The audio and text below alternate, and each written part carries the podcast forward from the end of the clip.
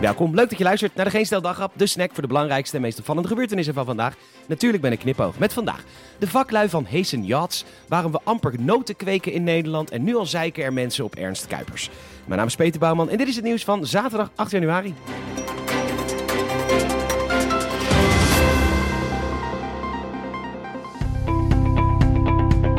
Welkom bij Heesen Yachts in Os, waar wij uw nieuwe superjacht met liefde in elkaar zetten.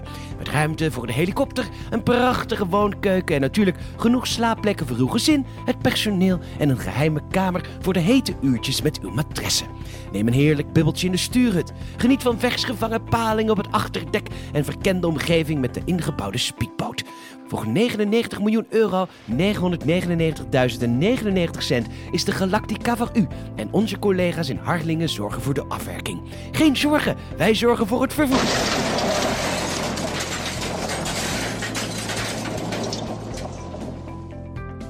Wat is er nou weer aan de hand? Een brug? Hoog water? Ik ben net een reclamespot aan het opnemen met de boodschap dat we vaklui zijn. Ja, zo kan ik niet werken. Bij het AD vragen ze zich af waarom Nederland nog geen koploper is in de notenteelt. Nou AD, dezelfde reden dat Nederland geen koploper is in kameelfokkerijen of in skigebieden. Nederland is helemaal niet zo'n geschikt land voor de hippe noten van nu.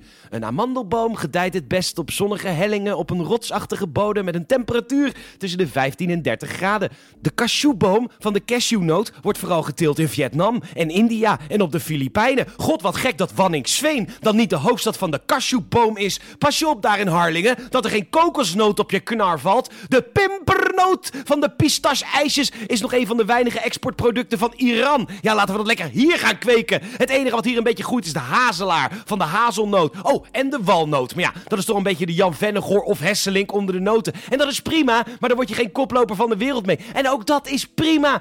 En mocht je nou tijdens dit bericht hebben bedacht... ja, Peter, de walnoot, dat is technisch gezien helemaal geen noot... maar een steenvrucht. Dan ben je echt een superleuk persoon op feestjes. Geile questlezer.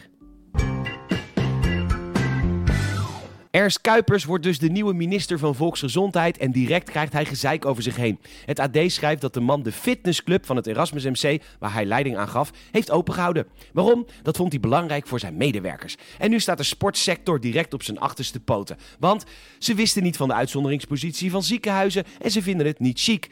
Het laat me weer eens zien dat de sportsector handelt in lichaam, niet in verstand. Want dit is juist goed nieuws. De sportsector is namelijk gesloten door Hugo de Jonge. Ja, je weet wel, die was ooit minister van Volksgezondheid. Nee? Zeg je niks? Ehm, hij, was, eh, hij was vooral bekend van helemaal niks kunnen. Ja, zie je wel, hij. Ja, hij. En dus gaat Kuipers straks gewoon de sportscholen openen. Lief hè, sportsector. Als jullie dan af en toe een boek gaan lezen, dan is het helemaal win-win. Er gaan dus best wel veel mensen dood en daardoor kunnen begrafenissen en crematies vaak niet binnen de wettelijke zes dagen worden uitgevoerd. Dat meldt de NOS. Te weinig ruimte in de agenda, besmettingen bij nabestaanden of nabestaanden die vastzitten in het buitenland. En je verwacht het niet, een verlenging van het aantal dagen tussen sterven en begraven is in Nederland dus een enorm bureaucratisch geneuzel. En daar moeten we tijdelijk vanaf, dat vindt de Dela. Want nu moet eerst een arts langskomen. Die hebben gelukkig al die andere dingen te doen. Die moet inschatten of het lichaam nog wat dagjes langer mee kan. Die moet dan een verklaring geven. En die verklaring moet naar de burgemeester. En die moet dan ook nog eens toestemming geven. Dat hebben we toch een gaaf land. Ja, ook na de dood van oma is ze nog steeds bloedirritant. Heft die regels dus gewoon allemaal op. Kan ze naast Poekie in de achtertuin. Hapje, drankje, iedereen blij. De winkelleegstand is gedaald, dat meldt nu.nl. Niet omdat het de afgelopen jaren zo leuk en rendabel was om een winkel te beginnen, maar omdat veel winkels worden omgebouwd tot woningen. Leuk voor die mensen, persoonlijk ben ik geen voorstander. Och, dat vind ik toch altijd zo leuk. Even gluren bij de Xenos. Oh, wat een leuke prullenbak. Oh nee, nee, dat is een plantenbak die eruit ziet als een prullenbak. Oh god, wat leuk. Oh, en die prachtige kaarsen. Oh, ik hoop dat ze lekker ruiken ook. Leuk. Oh, in zo'n bord. In dit huis leven we, zeggen we sorry, geven we knuffels. Ah, dat vind ik toch altijd zo leuk, zo'n bord. Nou ja, laten we deze week maar even kopen. Op naar de volgende. Oh, wat erg. Oh, wat een lelijke etalage. Oh, daar komt toch helemaal niemand. Oh, oh, wat leuk. Oh, dat is gewoon een huis. Walgelijk. Door naar de Hema dan maar weer. Het gaat zo leuk. Je hebt een Janneke dingen en zo.